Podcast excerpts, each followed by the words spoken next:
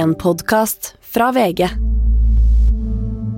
På en måte så burde vi, når, noen ringer fra USA og sier at vi skal være med på Jimmy Fallon Show, så burde vi egentlig bare holde kjeft og være glad for at de spør. Og det, det er vi jo på en måte. For folk er jo veldig sånn positive her borte, og, og det, det blir man sånn norsk sånn suring fra Vestlandet, så blir man jo veldig sånn OK.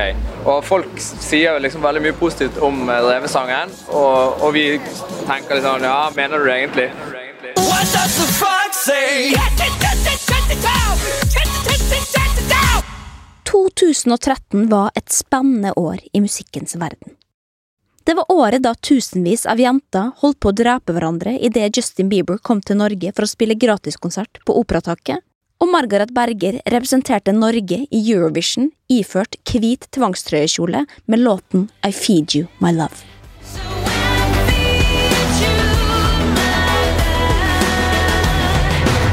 Get Lucky var årets sommerhit, før den ble greit avbrutt idet Miley Cyrus kom inn naken fra sidelinja på en wrecking ball. I came in like a wrecking ball. I never hit so hard in love. For ikke å snakke om Ylvis og The Fox. Låta og musikkvideoen som tok fullstendig av på internett og klatra seg oppover den amerikanske Billboard-lista. Låta som på et tidspunkt var verdens mest strømma, og som ga folk over hele verden revefeber. Og som ikke minst fikk folk til å stille seg sjøl et av livets store spørsmål. Hva sier egentlig reven?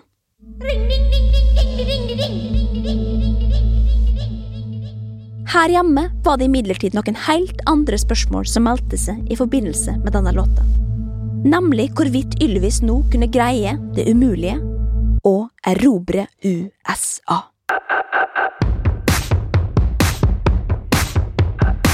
Jeg heter Linnea Myhre, og jeg er ikke gravejournalist. Men jeg er veldig interessert i alle detaljene du trodde at ikke du trengte, og i dag skal vi dykke ned i en helt spesiell musikalsk hendelse i norsk historie.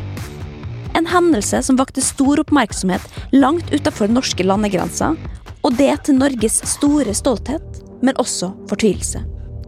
For hva skjer egentlig når hele verden plutselig skal ha en bit av våre egne nasjonalskatter? Hva skjedde den gangen Ylvis skulle ta med seg talentet sitt ut av Norge og ta utlandet med storm? Og hva skjedde egentlig med Bård, Vegard og drømmen om USA?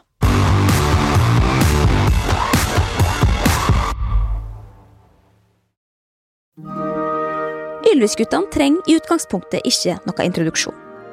De har bidratt til norsk kulturhistorie med både revy og som programledere i alt fra O-fag på P3 til Norges herligste på TV Norge. Det er de to brødrene ingen greier å lære seg hvem som er hvem av, men som jeg ja, en gang for alle da kan prøve å forklare eller si. Vegard, det er han mørke, altså han med krøllene, mens Bård, det er han andre. Ferdig. Men for å forstå fenomenet The Fox, så må vi begynne helt på begynnelsen. For låta og suksessen av The Fox oppsto selvfølgelig bare ved en rein tilfeldighet. Innspillinga var opprinnelig meint som en teaser av sesong tre av talkshowet I kveld med Ylvis, og var, som alt annet de to køddete gutta gjør, da, bare kødd. Men selvfølgelig er det ikke uten en god dose talent, for ikke å snakke om TV Norge-penger i potten.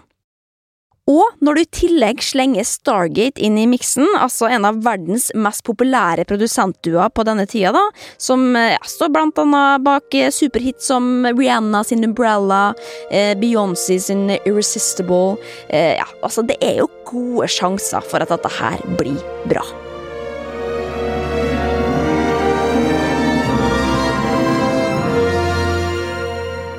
Og med en absurd, men påkosta musikkvideo på lasset, spilt inn i skogen i Nittedal, da, så legges altså videoen ut på YouTube. 3. september 2013 spør Ylvis det relativt enkle, men samtidig så store spørsmålet. For vi veit jo at katten sier mjau og hunden sier voff. Men hva sier egentlig reven? Og det er når det spørsmålet blir stilt, at det eksploderer.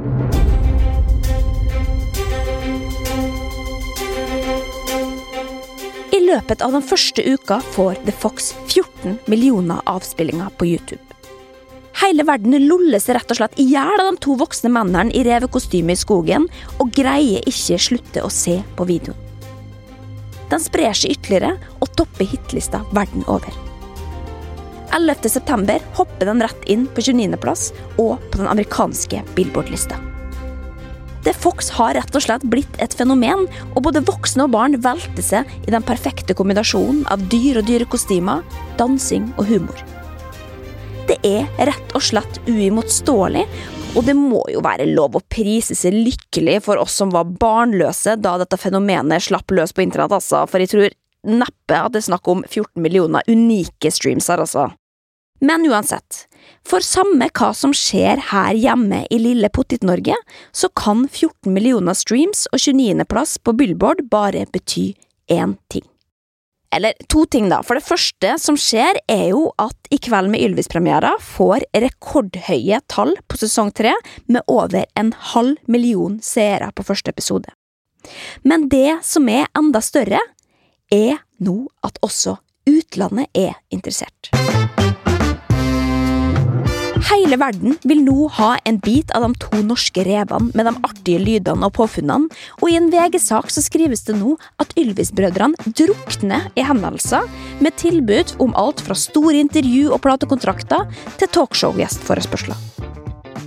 Sist ut er Ellen DeGeneres, altså Amerikas Line Andersen, da, som gjerne vil ha en liten visitt av de to norske revene. Men det er i samme VG-sak at de to uttaler seg, og de sier rett og slett at de ikke prioriterer USA-besøk nå, og det fordi de tross alt har et ukentlig talkshow sjøl her hjemme.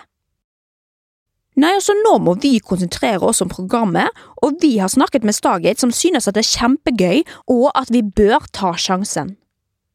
Men akkurat nå så føler vi at vi må være hjemme og gjøre talkshow, så vi har sagt til våre pressefolk at ikke vi kan dra på noe før november, når vårt show er ferdig. Og det er når VG spør om de ikke tror at de går glipp av noe dersom de skulle la være, at brødrene Brothers er klar i sin tale. Man kan ikke få alt her i livet. Og nei, det er faen meg helt sant, det. Man kan faktisk ikke få alt her i livet, og det finnes jo faen meg ikke noe mer folkelig og kronisk norsk heller enn å bli hjemme i gamlelandet, så den er jo grei. Og Ylvis-brødrene har rett og slett ikke tid dem før i november når de er ferdig med sine egne greier, og det må Ellen Degernes og eventuelle andre talkshow-host bare respektere.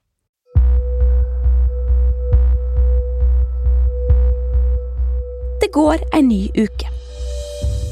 En ny episode av I kveld med Ylvis går ned, som blir tatt imot eh, på den måten kun Norge kan, da, med halvåpne armer, sammenligna i hvert fall med konkurrentene deres på denne tida, som eh, ja, Skavlan og Senkveld og sånn, da. Men i mellomtida så omfavner stadig en større del av verden The Fox og de to norske kjekkasene i revekostyme. Videoen har nå fått 35 millioner views, og tilbudene blir ikke akkurat færre. Og det til tross for lovord og presiseringer om at fokuset nå ligger her hjemme og på eget talkshow nå, at det plutselig dukker opp en tweet fra Bård Ylvisåker. På fly, til LA, revekostyme, i bagasjen.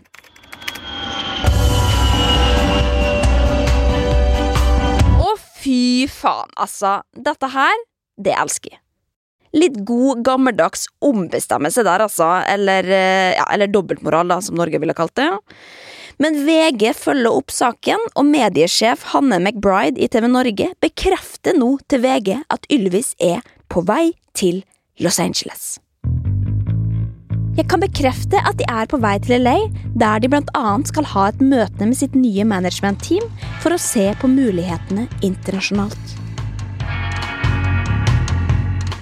Og det, mine damer og herrer, er faen meg alt du trenger å si altså, til VG før det er en gravejournalist på vei ut døra for å dekke begivenheten. Ylvis skal nå til selveste USA, og de er på vei dit i dette øyeblikk. Så da er det bare å sende ut en reporter bort til LAX ASAP altså, og ta imot hele verdens neste superstjerne. Sweet dreams, my LAX. Og med både journalist og fotograf på plass, så ankommer Bård, Vegard og teamet deres Los Angeles International Airport. Men det er en ordknapp Vegard som møter pressen, og med det revete smilet sitt, så svarer han bare. LA er en flott by. Norge er i sjokk. For hva er det som skjer nå, egentlig? Altså, hva skal de? Hvor skal de? Hvem skal de møte? Men heldigvis så er det ikke altfor mange timene at vi skal gå og lure på hva i alle verdens dager som har fått Ylvis til å snu på flisa og pakke amerikakofferten. For allerede samme kveld så kommer nyheten. Og i et presseskriv fra en av Ellen Degernes sine ansatte, eller eh, egentlig slaver, da, så står det altså skrevet. Bård og Vegard Ylvisåker skal være gjester på Ellen DeGeneres Show fredag 20. september.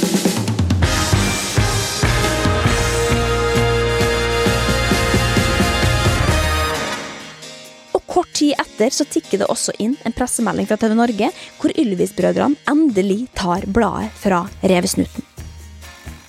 Dette er veldig kjekt. Vi er glade for at vi klarte å lage plass i timeplanen til å takke ja, for det er en ære å få være med på et så velrenommert talkshow.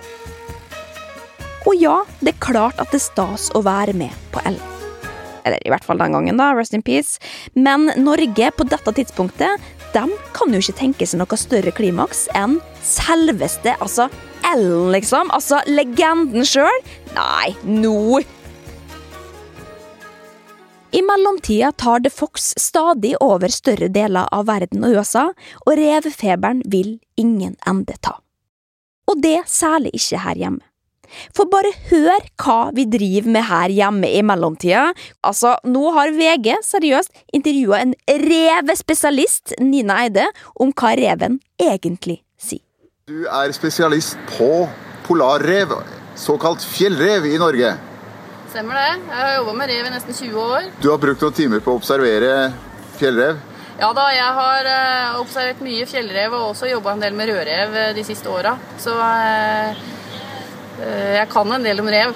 Så eh, jeg veit at de snakker mye sammen, og eh, jeg må jo si de har bomma litt på revelyder i videoen. Nå har du mulighet til å oppklare misforståelsen.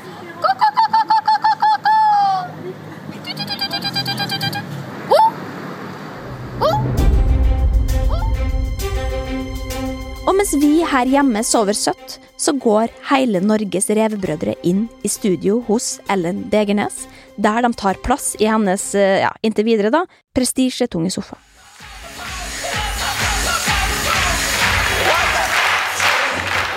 Oh, you don't know how excited I am that you're both here. Okay, who's Bard? Who's Vigard? I'm Bard, he's You're- Vigard. So this was uh, you've been on two years, and this was to launch your third season, right? That's Yeah. right. And you purposely tried to make it bad, and look what you've done. And you wrote all the lyrics. You wrote everything. Yeah. Right. And then the video is uh, is marijuana legal in Norway? Uh, no. Åh, ja, nei, Ellen Degernes, altså. Det er en comedy queen vi aldri får tilbake. Men uansett, skravla går nå den, da, og Vegard og Bård gjør egentlig en ganske god figur i de par minuttene de får lov å sitte der. Og Ellen, ja, altså, hun gjør noen middels innsats, da. Jeg later som at hun er interessert, eh, før hun da sier seg til slutt fornøyd med smalltalken og går til spørsmålet alle venter på. For Ellen vil gjerne synge litt til slutt, og da trengs alle detaljer. All right, so I would like to know what the fox says. I would like to sing with you if that's okay. This would be like That's the biggest joy in the world. Do if you could- know? Do you know the lyrics? I you do. You know how to do it? I don't know how to pronounce You know, mo- exactly. mo- most can- people they, they, they read the lyrics and they go like ring a ding a ding a ding, but you have to you know if you if you're gonna perform it, you really have to put a lot of. How's it go? Love. It's like. ring, ding, ding, ding, ding, ding, ding, ding, ding, ring, ding, ding, ding, ding, ding, ring, ding, ding, ding, ding, ding. Og med de forberedelsene unnagjort, så er vi rimelig klare for en opptreden. Men det er idet vi ser for oss at Bård og Vegard tar et kjapt kostymeskift mens resten av statisthakkebakkeskogen gjør seg klar på scenen, at noe helt annet skjer. For i stedet så reiser Vegard, Bård og Ellen seg opp fra sofaen, og så går de rett og slett bare ut på gulvet. Og der blir de stående rett opp og ned, iført eh, dongeribukse og flanellskjorte, da, og så begynner de bare å synge. Here we go. This is exciting.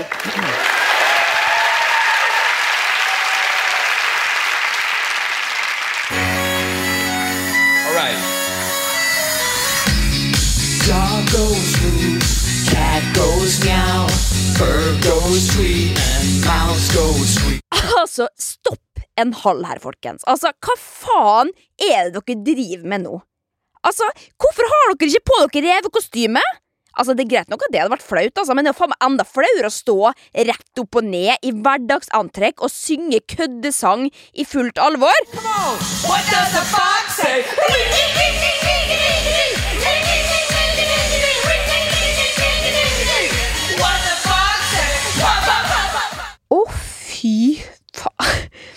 Altså, og hele den greia der, den fullfører de faktisk med lyset i taket på og uten et eneste planlagt dansetrinn. Og ja, Jeg vet ikke helt hvem som ser ut som har lyst til å skyte seg sjøl mest av disse her, eh, men eh, jeg holder kanskje en knapp på Ellen, da, som eh, må gjøre dette her fire dager i uka. Og det er jo egentlig ikke da så rart at man blir mannevond etter hvert, eller? Altså, jeg skjønner det godt, jeg.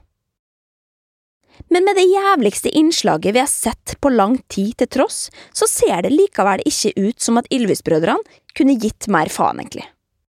Og i et intervju med VG rett etter opptreden, så virker det også som at de har helt andre mål med denne turen her, og det høres egentlig mest ut som at de bare er der på en slags eh, studietur, heller enn å promotere egen karriere.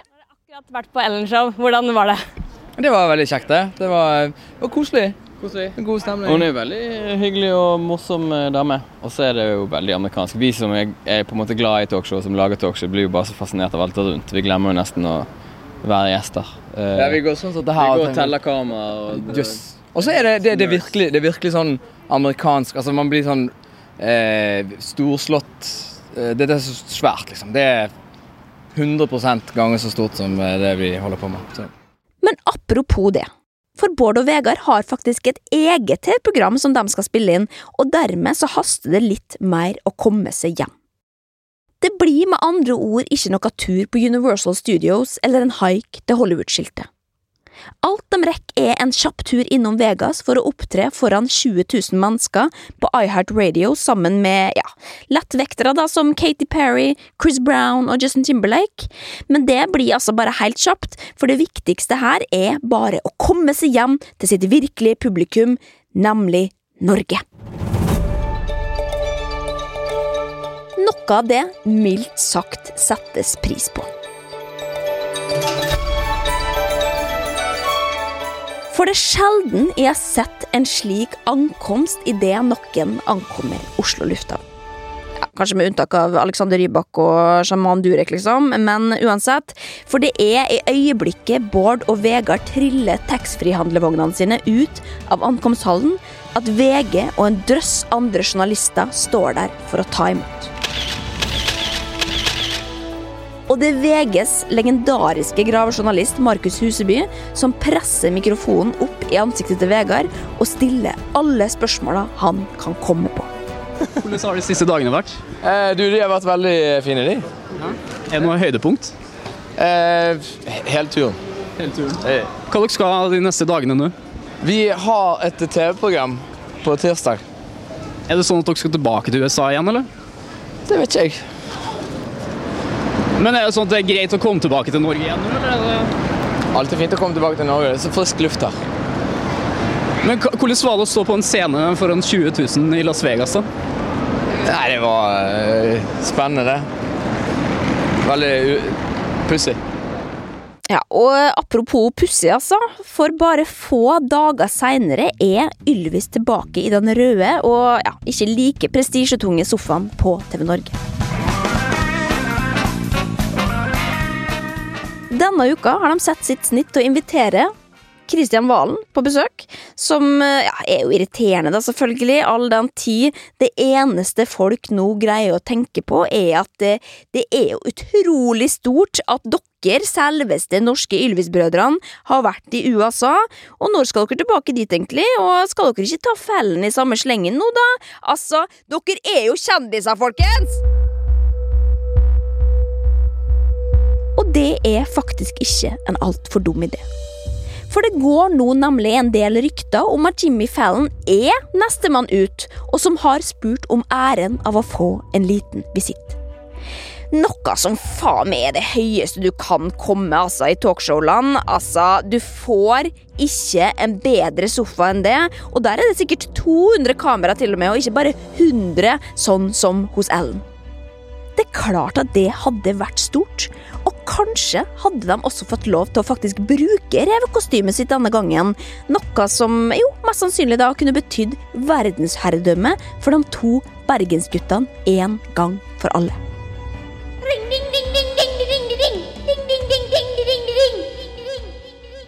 Men det får bli taust fra brødrene Fox om hva som egentlig skjer videre med USA. For ja da, ja da, det har kommet en del tilbud, eh, kan jeg melde da, men vi får se. Det er jo tross alt dette TV-showet deres som står først på lista, og dernest eh, familien, da, og det som skjer, det skjer liksom, herregud, slapp nå av! Men idet du trodde The Fox hadde pika, så bare fortsatte det. For den første uka i oktober så er The Fox den mest streama låta i USA, med 83 millioner streams, og enda vil folk bare ha mer. Mer rev, mer Ylvis. Og ikke minst vil folk nå vite hva faktisk reven sier. Kan det være Eller er det Hattie, hattie, hattie ho! Hattie, hattie, hattie ho! Og veit dere hva, Ylvis? Nå kjenner jeg faktisk at det er på tide at folk får vite, altså. For ikke å snakke om at dere nå også griper dagen og de mulighetene dere nå har. Nå må dere faen meg bare kaste dere rundt og sette dere på det amerikatoget, for nå går det snart uten dere. Og da er det for seint. Og det er bare få dager seinere at de to bestemmer seg. The Fox har nå nærmere 100 millioner avspillinger, og i en Dagbladet-sak fra 8. oktober så blir det klart. Ylvis skal til USA igjen, og denne gangen til selveste New York, der drømmer blir til virkelighet. Og det er vel egentlig umulig å introdusere The Big Apple uten å spille denne jævlige låta. Alicia Keys, take it away.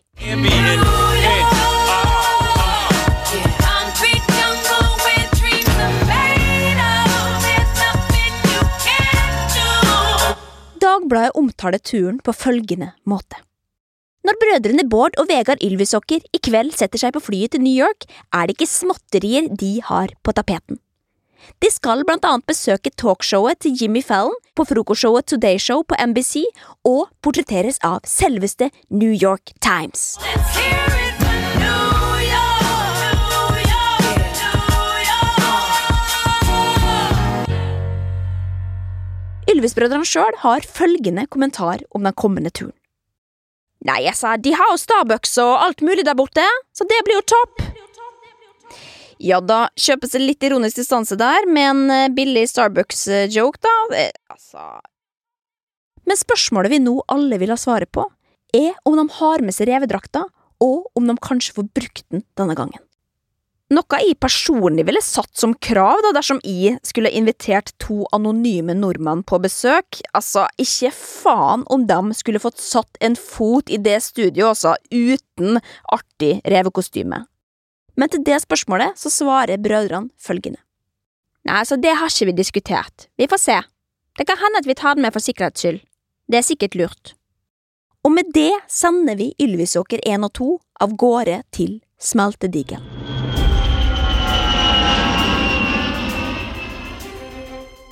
Klare for å ta verden med storm representerer Norge i vår nasjonaldrakt revekostyme. Dette kan ikke gå annet enn dritbra. Men meanwhile hjemme i Norge så er det ikke alle som har trua. For mens samtlige nordmenn heier på sine to utsendte, så samler såkalte medieforskere seg om det som skal være realiteten. Og det er medieforsker Pål Bjerke i et intervju med ABC Nyheter som kommer med følgende knusende dom, hvor han basically ja, kaller det Fox for en døgnflue.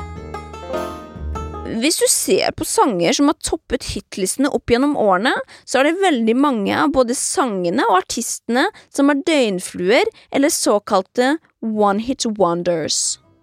Om Ylvis får 100 millioner eller 200 millioner klikk på denne, så forandrer ikke det situasjonen.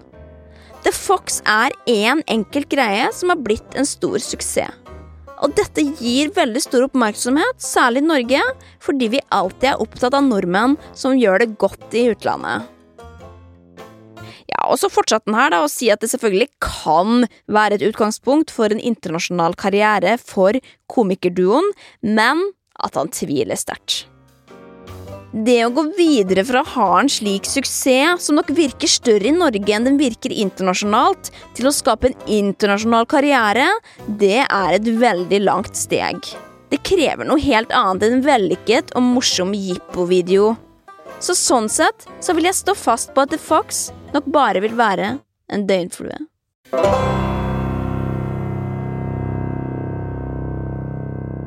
Men en ekspertanalyse fra Norge til tross, så kan ikke det stoppe The Ylvis Brothers i å prøve.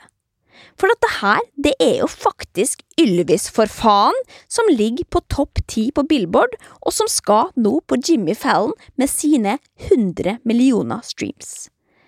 Og hva er det liksom du har fått til, da, Pøl Bjerke, bortsett fra å ha den lameste utdanninga i Norge, da, og det å være professional hater på fulltid? Nei, fy fader, altså, nå skal det vises hvem som er best. Og slik er det bare å flerre opp den flanellskjorta, altså, og vise fram revekostymet under, og rett og slett ta New York og hele resten av USNA med storm. Kjør da, Norge! Ring, ring, ding,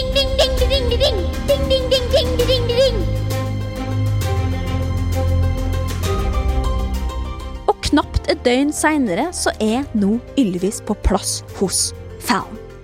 Spenninga er til å ta og føle på, og publikum står nå i kø utafor for å få et glimt av de to komikerbrødrene, og for å endelig få vite hva reven egentlig sier. Det blir imidlertid en litt annen opptreden som skal gjennomføres her i dag enn sist, i det vi må ja, kalle et slags togkrasj altså hjemme hos Ellen der. Denne gangen får de nemlig ikke sitte i sofaen engang, de blir bare introdusert mot slutten av sendinga av en, ja, hva skal jeg si, en knisende Jimmy Fallon. Og jeg må bare si det, altså, jeg blir litt skeptisk når jeg ser det, fordi han er jo falsk som faen, Jimmy Fallon også, og jeg føler egentlig nå at dette her kan gå alle veier. You know this song?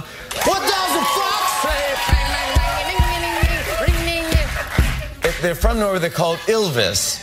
Uh, it has more than 100 million hits in the last month. It's number eight on the Billboard chart. And it's about different animal sounds.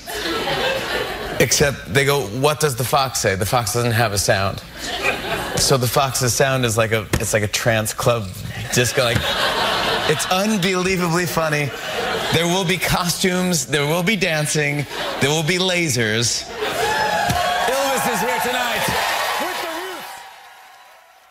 Heldigvis ser det nå ut som at det er litt mer gjennomtenkt denne gangen her.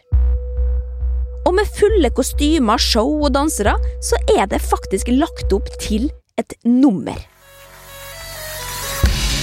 Dog goes woof, cat goes meow, bird goes tweet, and mouse goes. Problemet er bare at Å, fy faen, jeg ser det med en gang, altså. Fordi at allerede i første sekund så kommer Bård inn i bildet, da.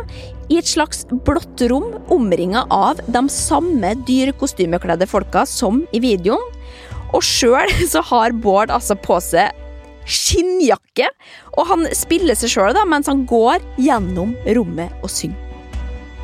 Men ja, problemet ja, fordi problemet er jo bare at The Fox er en ironisk tullesang, og dermed Bård selvfølgelig ikke greier å framføre den her på noe annet enn ironisk vis.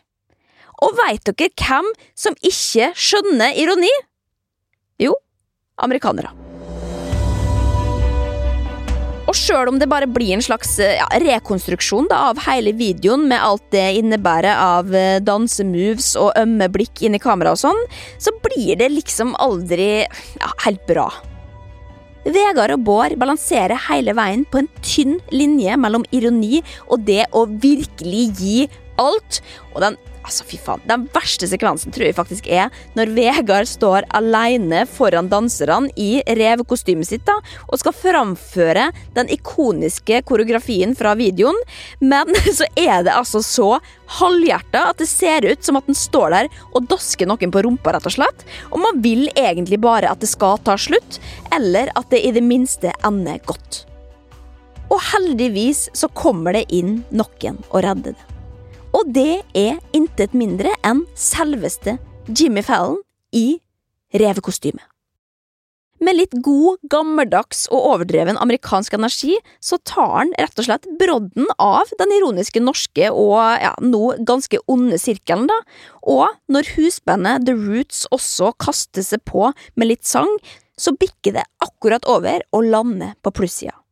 Eller, nå er jo dette her min tolkning av det, da, men når jeg faktisk ser litt på hva som er skrevet i etterkant her, så kan jeg selvfølgelig ikke finne noe annet enn full applaus og jubel og high fives fra Norge, som selvfølgelig ikke kan tro alt Vegard og Bård har fått til, og til og med med selveste Jimmy Fallon, da, dere, med revekostyme, altså, hva gir du meg? Også VGTV har overvært begivenheten og bobler over av entusiasme. Dagen etter får de endelig møte de norske superbrødrene utenfor Rockefeller Center, og nå vil de høre alle detaljene om den store hendelsen.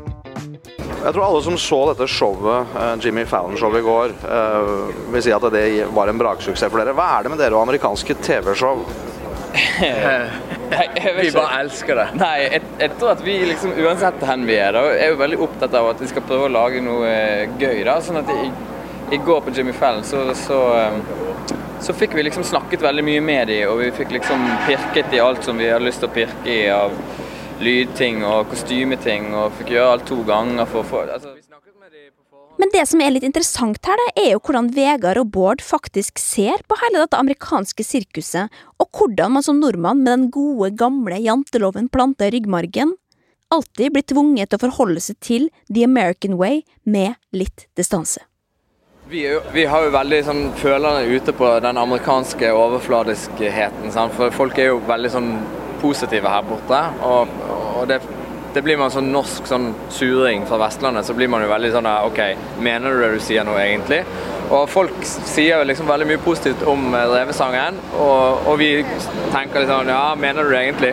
Men Jimmy Fallon, der, der var liksom ingen tvil. Han, han, ba, han var bare så entusiastisk og begeistret i går at uh, det tror ikke man kan fake. Sånn som han holdt på. Det var veldig kjekt. Men nok om det, for nå som de har gjort det meste som kan gjøres av TV-promo i USA, så er det selvfølgelig bare ett spørsmål alle vil ha svaret på. Og det handler selvfølgelig om veien videre. Om hva som blir neste steg, for de skal vel satse videre på USA, eller? Lage ny sang, ny hit, reise på USA-turné, bygge merkevare og smi mens jernet er varmt, mens revefeberen enda herjer. Men det er når VGs journalist beveger seg inn i den retninga, at sjokket kommer.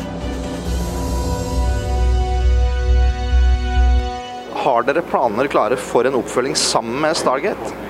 Nei. Nei, det har vi ikke. Vi driver jo vanligvis ikke med oppfølgere, så det kommer jo aldri til å bli liksom noe oppfølger etter. Vi kommer jo aldri mer til å ha 100 millioner hits på noe vi gjør noen gang. Og vi, vi kommer ikke til å prøve å jakte på det heller. Det pakker brødrene Ylvisåker revekostymene ned i kofferten og reiser tilbake til Norge. Med flere millioner nye streams hver eneste dag, og kanskje enda viktigere for gutta sjøl, inside information om hvordan man lager en av verdens mest populære talkshows. Og med den erfaringa i sekken, så skal de nå tilbake til Norge og kjøre egne talkshow-greier. Riktignok et par eh, svippturer innom USA her og der, altså i noen møter og sånn sikkert, da, med the big guys, og mens de likevel er der, så stikker de eh, blant annet da innom finalen i Dancing with the Stars i november, da, opptrer litt der. Og på dette tidspunktet så har YouTube-videoen nå 250 millioner streams, og sånn sett så blir de bare større og større. Men brødrene Ylvis stresser ikke med verken oppfølger eller USA-drømmen, og holder fortet hjemme med familie og en middelmådig TV Norge-avtale. The good life.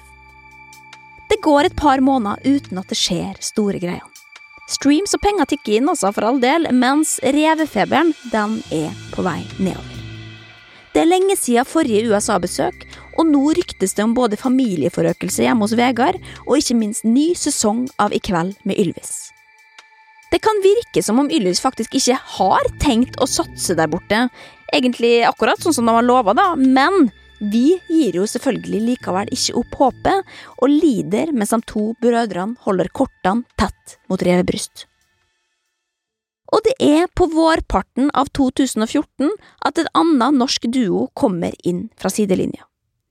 Det er nemlig ikke bare Ylvis som kan skrive hits, det kan også Nico og Vince. Og med den ikke-ironiske poplåta Am I Wrong, så kjører altså disse to faktiske artistene straka veien inn på Billboard, dem også. Og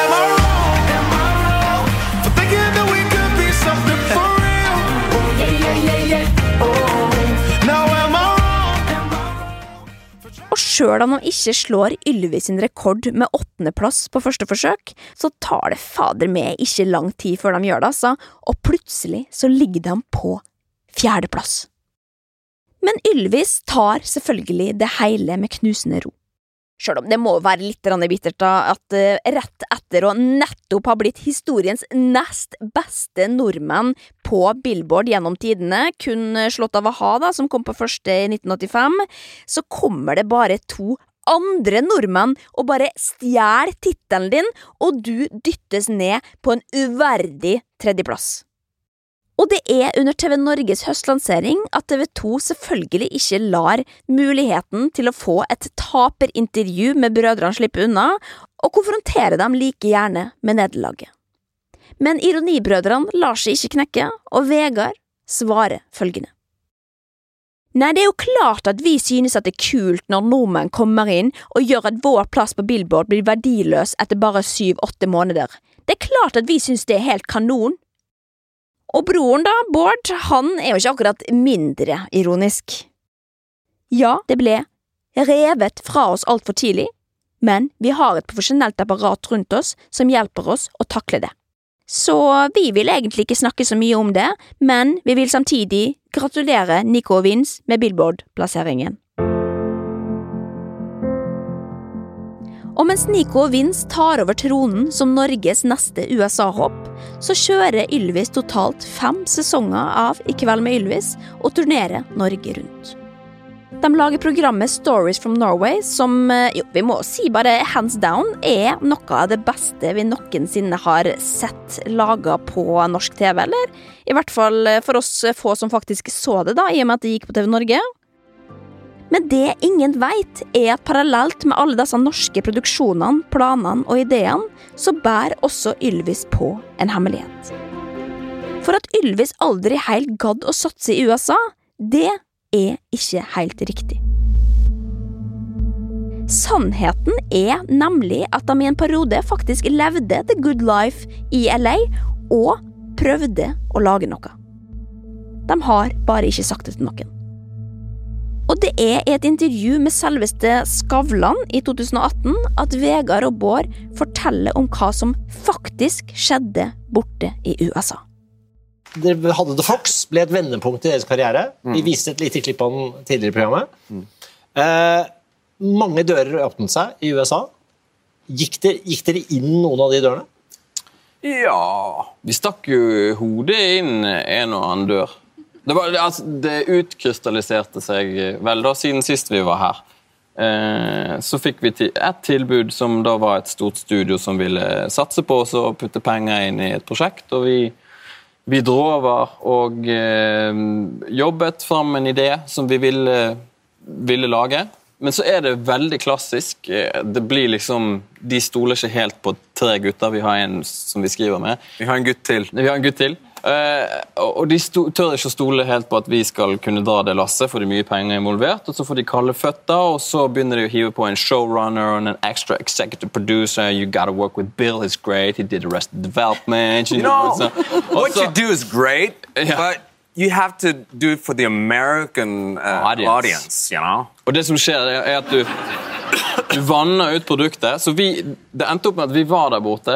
Vi hadde det supert. Vi levde liksom Californication og Entourage-drømmen og, og, og i LA. Skrev på laptopen vår, og så det ble det dårligste vi noen gang har laget, tror jeg. eh, var fantastisk gøy. De brukte masse penger på å filme en pilot. Eh, Som fins? Det fins en Det finnes en pilot. Nei da! Nei da.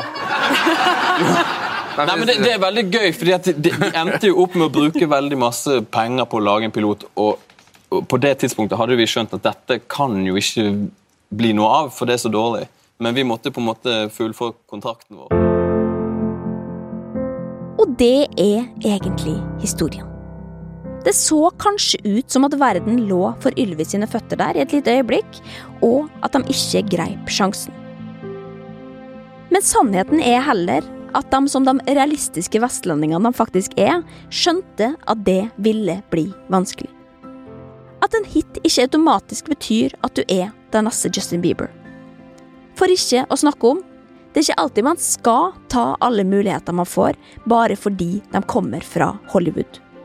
Og særlig ikke hvis det innebærer at du må lage noe du ikke kan stå inne for. Og det er det som er så fint med Ylvis.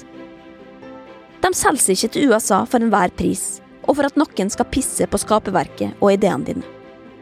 De lager ikke humor for å passe inn i en boks, og særlig ikke hvis det er den ekstremt dølle og polerte Hollywood-boksen.